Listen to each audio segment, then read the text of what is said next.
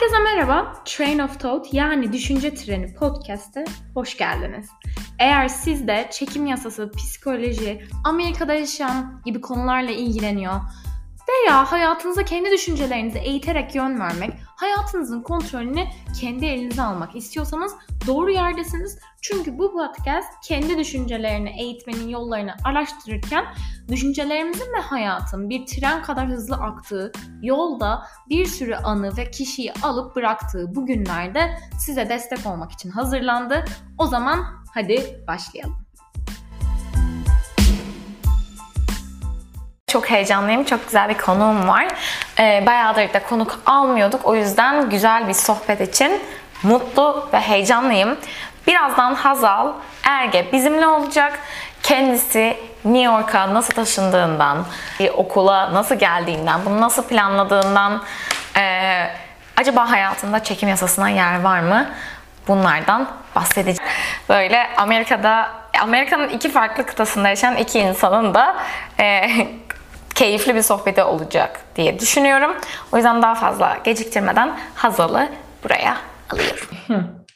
Hazal'cığım hoş geldin. Hoş bulduk. ee, öncelikle böyle ben biraz giriş yaptım zaten seni beklediğime dair ama e, şimdi böyle biz de çok konuşmadan üstüne sen böyle direkt bize ne yapıyorsun? Amerika'ya ne zaman, nasıl geldin, ne için geldin? Şöyle bir özet geçer misin? Tamam tabii. Şey, e, ben buraya taşınalı 8 ay oldu. Şimdi 2021 yazında mezun oldum. Boğaziçi'nden mezun olduğum gibi, lisans bittiği gibi e, Amerika'ya taşındım. Yani okulumun son yılında, zaten Covid'e denk geliyordu 2021 yılı. Ben sürekli master başvuruları yapıyordum okul bitmeden. E, Columbia'yı kazandım New York'ta. E, yine ekonomi bölümünden devam ettim, yüksek lisans. E, böyle New York'a taşındım. Açıkçası hep New York istiyordum. Zaten böyle Amerika'da spesifik olarak New York'ta olmak istiyordum. Ee, öyle yani. Yüksek lisans yapıyorum. Ekonomi master'ı yani olarak mı geçiyor? Aynen, aynen. Okey, süper. Peki, Amerika'ya gelmeyi nasıl karar verdin? Yani dedin ki ben başvuruyordum, başvuruyordum ama New York istiyordum. Bu pandemi öncesinden beri olan bir karar mıydı? Birden mi oluştu? Şöyle oldu. Ben üniversite ikinci sınıfın sonunda falan o zamanlar ilk kez Amerika'ya geldim. Amerika'ya ayak basışım gerçekten. Çevremde arkadaşlarım vardı. Amerika'ya yaz okuluna gidiyorlardı. Ee, onlardan görüp ben de kendi bir arkadaşımla Harvard Yaz Okulu'na başvurmuştum. Oraya gitmiştim. İlk kez orada işte Boston'ı gördüm. İki ay kaldım aslında uzun bir süre. New York'u gezdim derken orada bir gözüm açıldı dedim budur yani. Ben benim acilen buraya bir şekilde taşınmam gerekiyor. Nasıl ama falan. Ya oradaki üniversite ortamını görünce ilk orada karar verdim. Ama tabii ki şey büyük de bir karar ve buraya yüksek lisansla da olsa ne olursa olsun taşınmak zor geliyordu.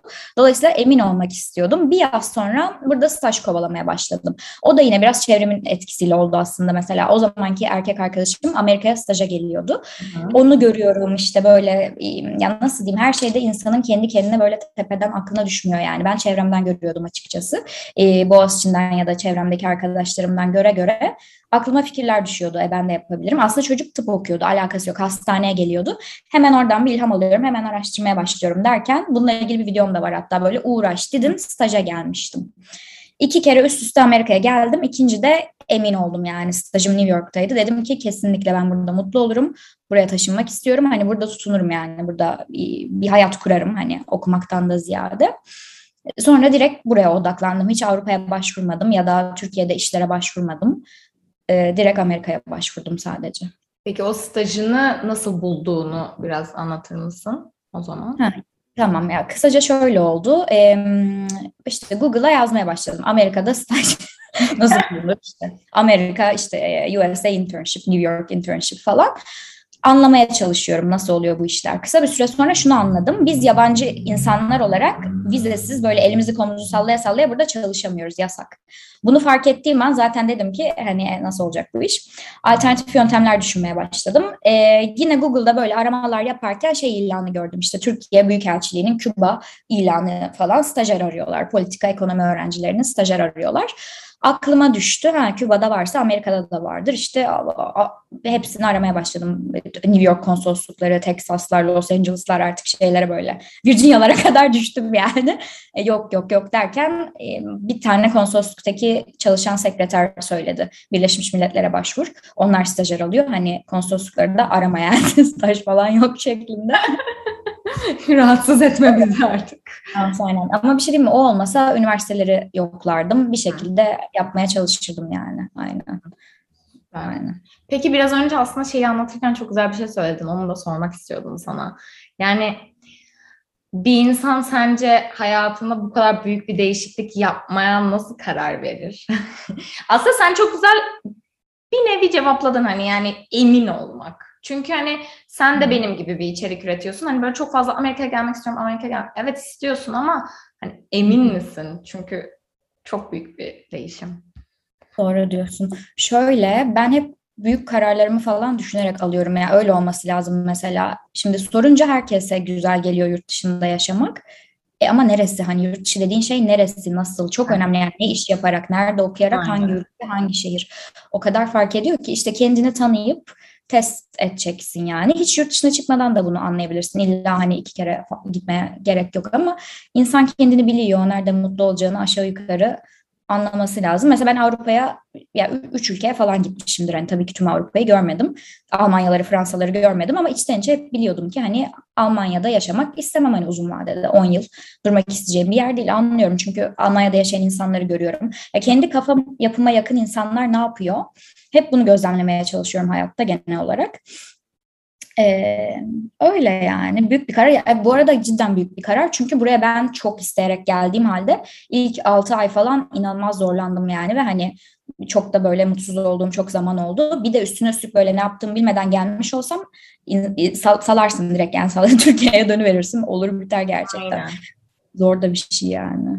Düşün ben ben geldiğimde aslında bir, bir bir iki sene önce zaten yazın senin gibi gelmiştim. Ve o zaman ben de karar vermiştim. Tamam ben Los Angeles'a dönmek istiyorum yani. Ve yani iki sene boyunca Los Angeles'a döneceğim, döneceğim, döneceğim. Öyle oluyor değil mi?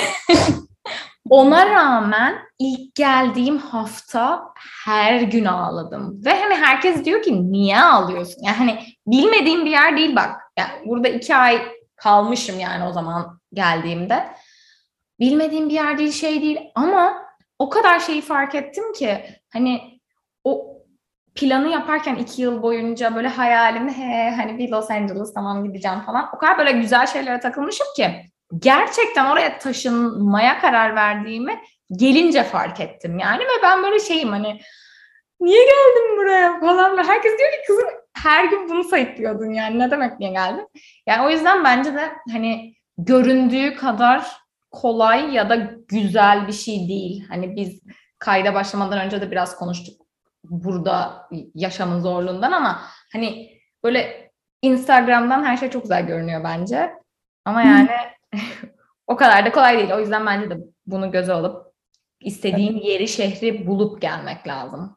Kesinlikle. Tabii. Bir de şey de var. Şimdi biz seninle önceden geldiğimizde hani turist gibi geldik mesela. Evet. Turistken her şey çok güzel. Hani hiçbir derdin yok ki. Ama buraya geldiğinde ya okumaya ya çalışmaya bilmem ne yapmaya geliyorsun. Yani Allah'ım hani o kadar çok yani şey ilk biz aslında hayat mücadelemizi mi diyeyim yani her şeyimizi Amerika'da başlatmış olduk. Bu resmen Türkiye'ye kıyasla çok şey bir zor, oyuna en zor seviyeden başlıyorsun. Aile yok, arkadaş yok, hiçbir şey bilmiyorsun, yabancısın, vize yok, o yok, bu yok. Ee, TL dolar kuru falan zaten bir rezalet. Hani biz aslında böyle zor bir şeye girişmiş olduk yani. Kesinlikle. Ya tabii şey asla çok da şikayet etmiyorum yani. Başta biraz şikayet ediyordum. Tabii ki şey um, nasıl diyeyim isteyerek geldim mutluyum eminim sen de mutlusundur kalmak istiyoruz çünkü ikimiz de. Hı. Mutsuz olsak niye kalmak isteyelim de zor yani. Peki şimdi biraz daha böyle biliyorum sen zaten kanalında yani Kolombiya'yı kazanma sürecin vesaire başvurularına ilgili konuşuyorsun. Ama hani ben biraz daha onun böyle daha kişisel gelişim tarafına değinmek istiyorum aslında seninle. Hani eminim Boğaz içinden geldiğin için e, böyle belki daha disiplin sahibi bir yapın vardır ya da çalışkan olabilirsin ya da hani iyi araştırma yapıyor olabilirsin. Hani sence o hedefi nasıl belirledin? Kolombiya'ya başvurmak istiyorum. Ve hani o hedef için bir plan yaptın mı? Ya da nasıl bir süreçti yani onu merak ediyorum. Tamam, şöyle oldu. Şimdi Amerika'ya gitmek istiyorum. Ne yolla gitmek istiyorum? Yüksek lisans yaparak gitmek istiyorum. Bunlara karar veriyorsun. Bu noktadan sonra şey, işte sürekli böyle kafamda hani dediğim gibi kendimi tanıyıp böyle nerede mutlu olurum, nerede mutlu olurum düşünüyorum.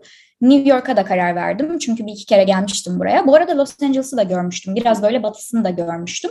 Kafamda kıyasladım hani hangisini daha çok severim vesaire. New York daha çok çekti hani herhangi bir sebepten ötürü. Böyle düşüne düşüne bu kanıya vardım.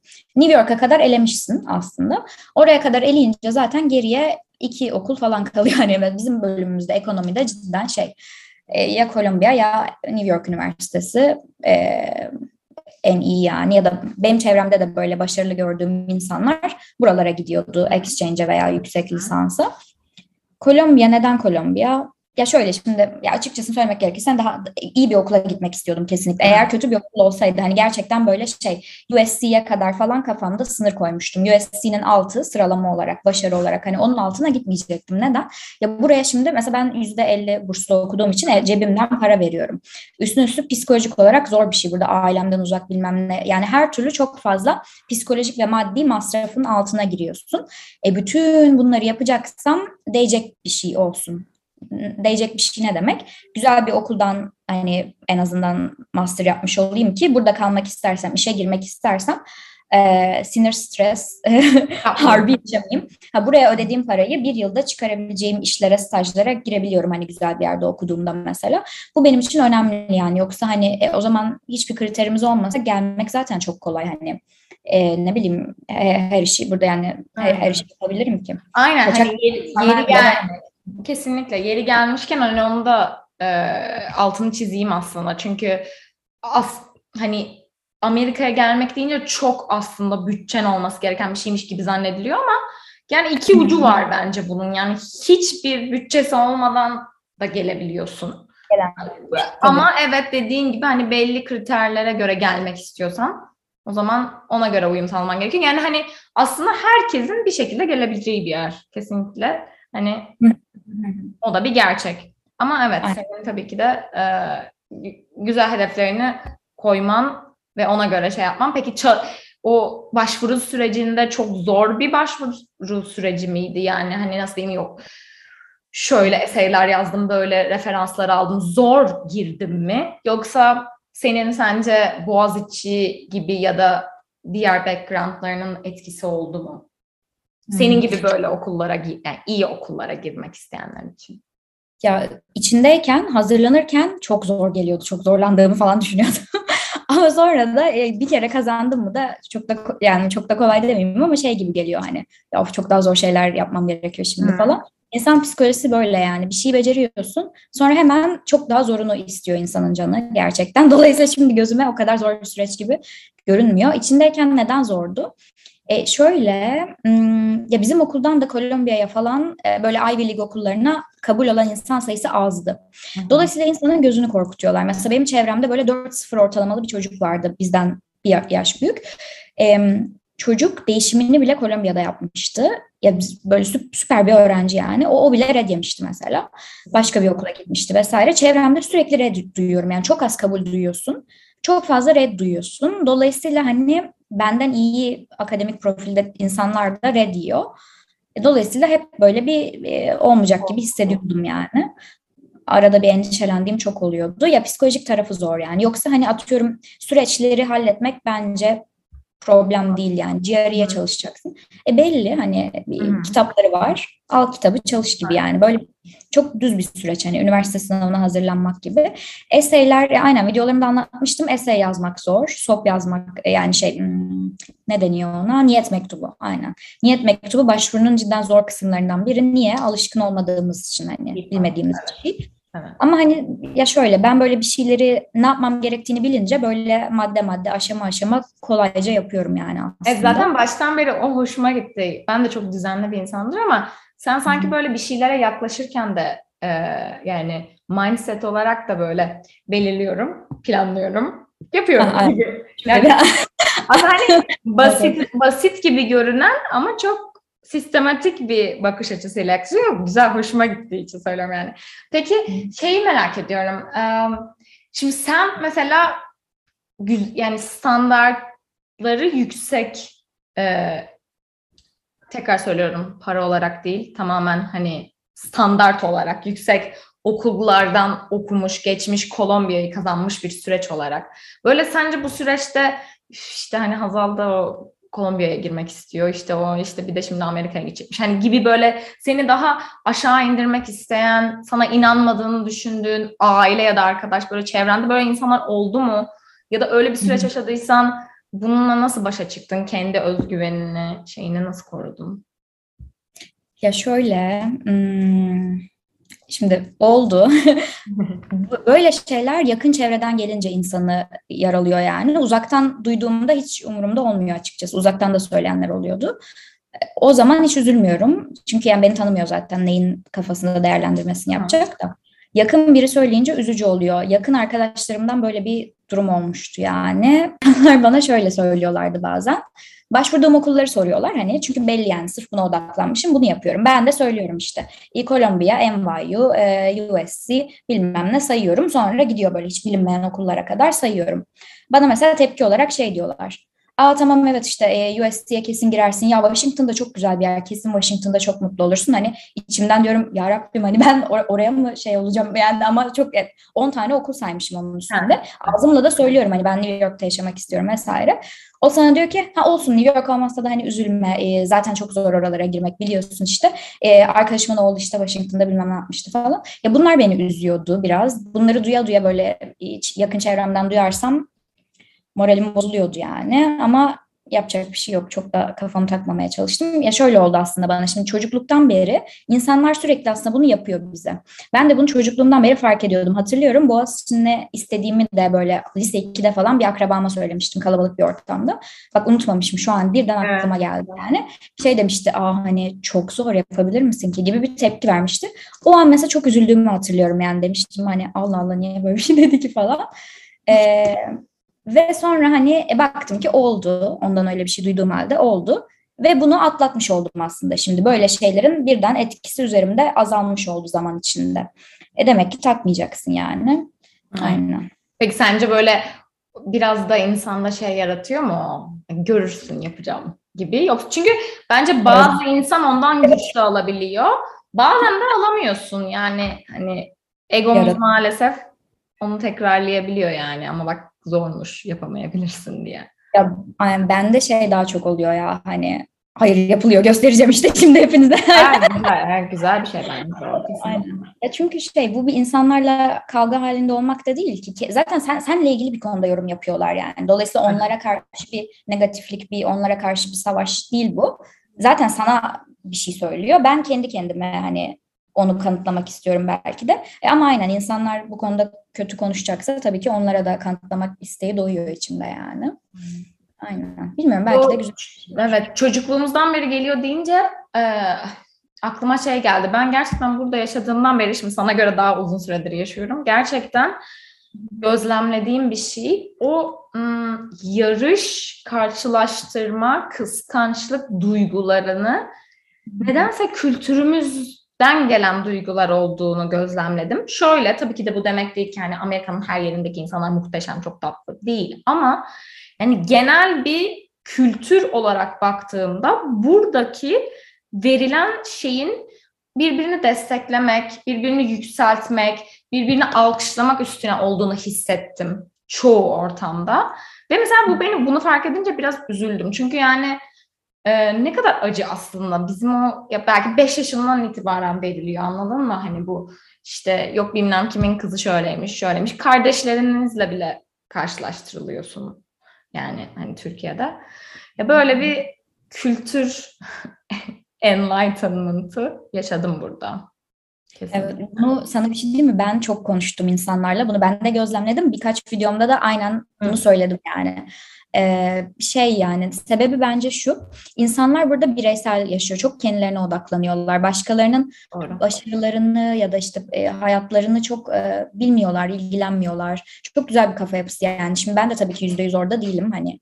E, ama o noktaya gelmek istediğimi biliyorum en azından. Hani insanların hayatında yani ne olur bir iş yapmak istiyorsundur. Başarılı işleri inceleyip örnek alırsın mesela. Bu bu ayrı bir şey. Bu yani bu çok güzel bir şey zaten ya da insanlarla konuşup fikir alırsın. Ee, ya benim her zaman yaptığım bir şey yani master başvurularımda da hep e, master'ı kazanmış, doktora kazanmış insanlarla konuşup onların böyle yaptığı adımları izlemeye çalışırdım yani. E, bu ayrı bu insanları izlemek, onları şey yapmak, onları kıskanmak vesaire olmuyor. İşte ama öbür türlü kapatıyorum insanlara gözümü. Yani benle alakası yoksa hani benim takip edeceğim, ondan öğreneceğim bir şey yoksa e, hani bak, bakmıyorum yani. En Aynen. güzeli bence. Aynen. Kesinlikle. Peki biraz daha böyle eğlenceli madem Los Angeles'ı da görmüşsün. Ee, böyle birazcık hani şeyi karşılaştıralım istiyorum izleyenler için de. Yani şu an tam anlamıyla Amerika'nın iki uç noktasındayız. Sağdan sola diyeyim.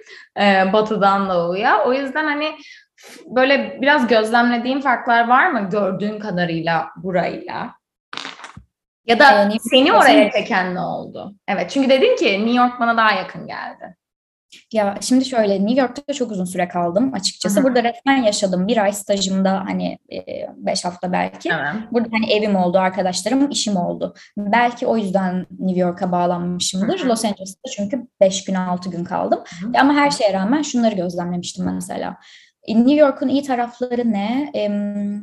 Ya şimdi orası böyle bir boş ve soğuk hissettirmişti bana. Niye? Biz zaten böyle uzak ücra bir yerinde kalıyorduk biraz. Ha. Arkadaşımızın evine gideceğiz 40 dakika arabayla. Oradan sahile gideceğiz bir 40 dakika daha. Böyle her yer biraz uzaktı ve şeydi yani böyle hani belli bir hani İstanbul mesela şey ya yani nereye gidersen git cap canlı her yer dop dolu.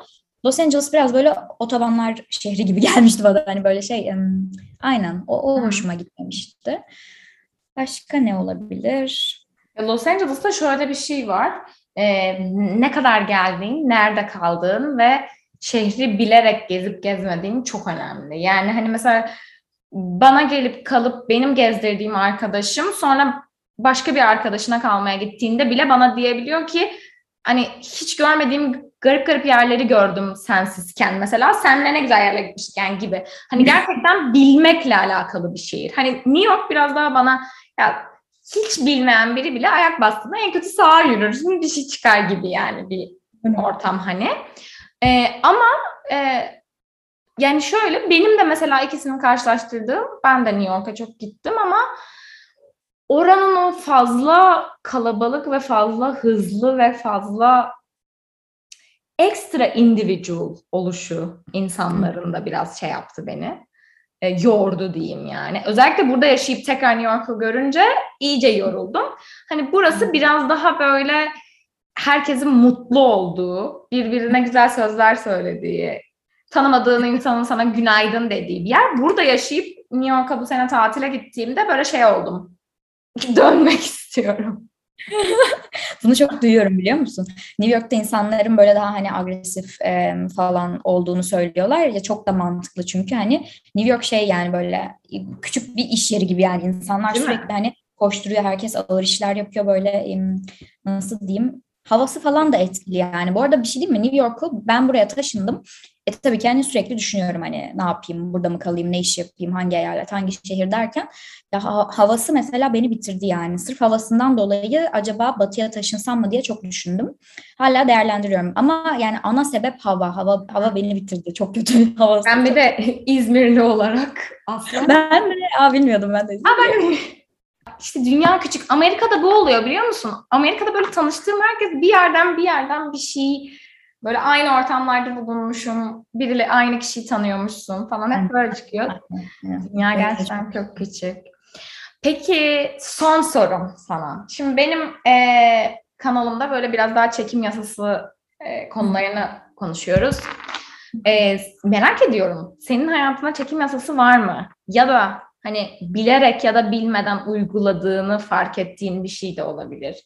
Hani herhangi bir böyle rutininde işte olumlamalar yapıyorum, günlük yazıyorum, atıyorum işte manifestation yapıyorum var mı? Yoksa ya şimdi dönüp baktığımda aslında ben bunu manifest etmişim falan. Böyle biraz çekim yasasıyla ilgili şeylerini merak ediyorum, tecrübelerini. Şimdi ben çekim yasasını şeyden de duymuştum. Çok böyle psikolojide de bir alan var. Ee, Albert Ellis diye bir psikoloğun ekolü biliyor musun? Davranış düşünsün. Acaba Türkçesi. Onun kitabını okuyup çok ilgimi çekmişti. Sonra internette okumuştum ki çekim yasası da onlardan bayağı ilham almış. Hem bu Albert Ellis'ten hem Stoa, Stoacılıktan vesaire, Stoa felsefesinden. Mesela aynen ben hem bu Albert Ellis'i çok sevmiştim hem Stoacılığı okuyup hep her zaman seviyorum. Aslında demek ki ilgimi çekebilecek bir şey. Ya inanıyorum çünkü hmm, düşüneyim şimdi hani olumlu düşün olumlu olsun bu. Mesela ben kendini böyle New York'ta yürüyorken hayal ettin mi bu süreçte işte kazanmış tamam okula girmişsin orada bir evin varmış falan. Ya şimdi şunları yaptım. Şöyle özetleyeyim. Bir şeyi hedef olarak koyduğumda her zaman ister istemez yani kendim buna zorlamıyorum hani ona inanmak için ama otomatik olarak yani zaten o hedefi koyduysam herhalde iç, içten içe biliyorum ki ona ulaşabileceğime inanmışım yani neden hiç mesela niye hani NBA'de basketbolcu olmak istemiyorum değil mi? İçimden gelmiyor çünkü hani niye gelsin ki falan. Bir şeyleri istiyorsam hep doğal olarak böyle çok kendime yakın şeyler istiyorum bence gibi hissediyorum. Bir şeyleri çok istiyorsam, hedefliyorsam gerçekten çok çok çok istiyorum yani ve emin oluyorum zaman içinde gerçekten emin oluyorum yani bu bunu istiyorum kesin bu ve bundan dön, dönmüyorum yani bir şekilde. Ve o istediğim şeyler bana çok ulaşılabilir geliyor. Eğer doğru şeyleri yaparsam elde edeceğimi düşünüyorum. Ve elde etmemekten korkmuyorum yani en önemlisi. Olmaya da bilir. Hani e, yani e, tamam ne yapalım hani o zaman. Tüh falan. Yani şu an anlattığın şey hani bu kadar bu konuda içerik üretiyorum. Çek, çekim yasasını çekim yasası olarak hayatına bilerek sokmadan bu kadar uy- doğru uygulayan biri olabilir. Değil mi? Ya Evet. yemin ederim hep söylüyorum kendime öğreneyim bunu. Ama şimdi her şey gibi o da emek istiyor. Bir kitabını alacaksın da belgeselini Benim izleyeceksin. videolarımı izleyebilirsiniz. Benim gibi. En güzeli aslında değil mi? Böyle kompakt kısa. İzleyebilirim biliyor musun? Şimdi sen böyle deyince gaza geldim. Aynen bunu yapıyorum. Ya kendimi böyle hani hayal ediyor muyum hedeflerimi gerçekleştirmek? İster istemez. Şimdi bir şey isteyince e, elimde değil. Hani yatıyorum yatağa orada sürekli New York'ta olduğumu e, düşünmek zorunda kalıyorum falan. Hı, Aynen. Aynen. Herhalde yapıyorum yani. Yok yok sen kesinlikle fark etmeden zaten yapmışsın. O en değerlisi. Güzel, güzel. Evet. Öğreneyim. Başka bir şey varsa onu da yapayım. Evet. Ben ya düşünüyorum mesela günlük yazmaya falan şimdi. Sen yapıyor musun onları? Yazılı yapan da oluyor insanlar. Ee, evet ben ben yapıyorum özellikle buna ilgi duyduktan sonra ama hani bu demek değil ki ütopik olarak böyle her gün günlük tutuyorum uhu falan değil tabii ki ama hani biraz daha böyle spesifik hedef koyduğun zamanlarda hani oturup meditasyon yapmak gibi anladın mı? Hani o o hafta birkaç gününü ona ayırmak ya da o ay belli bir istediğim bir şey varsa hani daha çok ona vakit ayırmak gibi. Ee, güzel tabii ben yazı ben çalışırken de dersi yazı tekrar tekrar yazarım yani yazma şeyi olan onu görüp tekrar öğrenen biri olduğum için bence çekim yasasında da hani çok ım, etkisi büyük yazının. Okay, denenebilir, denenebilir. Ya zaten şey ya hani insanın hedef koyduktan sonra bir şey istedikten sonra bunu bundan bir şekilde bahsetmesi bile insanın kafasına onu oturtuyor yani. İnsanlara söyleyerek de olabilir artık kağıda mı yazıyorsun ne yapıyorsun İnsan en azından ben mesela şey yapıyorum hani bir şey istiyorum. Staj bulmak olsun iş kurmak olsun neyse ne. Yapmam gereken her şeyi bile sürekli not alıyorum. Ya bu ayrı tabii şimdi. Bunu bu, bu bir manifestation değildir herhalde işte. Şuraya mail at falan. Yok değil hayır ama onlar şeyler bile aslında senin adımların. Çünkü manifestation'da kesinlikle diyor ki hani o hedefe ulaşmak için ne yapman gerektiğini önce planla, action'a geç. Hani Evet. sadece oturup "Hey," hani o şey dile değil yani hani. Okey, evet. Aynen. Yok yok bence çok güzel bir örnek verdin. Yani gerçekten bu kadar hakim olmadan istemsiz yapan birini konuk alıyor olmak da benim çok hoşuma gitti. Çünkü aslında keşke hepimiz böyle daha doğuştan hiç bilmeden bunu böyle uygulayabilsek senin gibi. O yüzden seni tebrik ediyorum. İnsanlara şu konuda biraz şey yapıyorum. Son yani çok uzattım herhalde. Şey Öyle. insanlar şunu duyuyorum. Bu mesela hani ben kendi kendim bu yaptığım şeyi hani pozitif düşünmek falan gibi tanımlıyordum. İnsanlar buna şunu diyor işte. E tabii ki pozitif düşünürsün. Nasıl olsa hani Kolombiya'ya girmişsin ya da hedefin neyse işte tabii ki pozitif olursun. E nasıl olsa kazanmışsın yani. E, gibi şeyler söylüyorlar. Şimdi Doğru, doğru. Kazandıktan sonra daha da özgüvenli oluyorsun. Yaptıktan sonra evet daha da üstüne basa basa söylüyorsun. Ama hani yapmadan önce de beni hep böyle şey yani psikolojik olarak iyi tutuyordu e, kendime inanmak. Ya gerçekçi bir şekilde yapıyordum bunu. Dediğim gibi böyle şüpheye düştüğüm çok zaman oluyordu ama nasıl diyeyim yani. Bunu hani bir şey hedeflerimi gerçekleştirmeden önce de bu psikolojide oluyorum yani. Sırf yaptıktan sonra bu psikolojiye girmiyorum öyle söyleyeyim. Neyse aynen gereksiz bir remark oldu.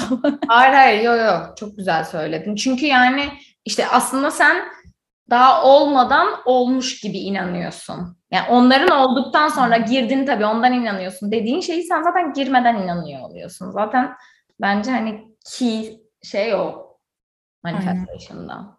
Aynen. aynen. Güzel. Teşekkür ederim cevapların için. Çok güzel e, cevaplar verdin. Eminim hani izleyenler de motive olacak e, ve ilham alacak yani bu konuşmadan diye düşünüyorum. Teşekkür ederim sana. Ben teşekkür ederim. Güzeldi bir şey böyle. Ee, başkasının neyi merak ettiğini, neyin neyi önemli bulduğunu böyle çok daha güzel anlıyorum. Sen bana soruyorsun sürekli vesaire. Kendi kendine konuşunca böyle sağdan Gidiyorsun. soldan gidiyor saçma sapan. Yani böyle sorularına cevap sevindim. Vermek. Çok sevindim. Hmm.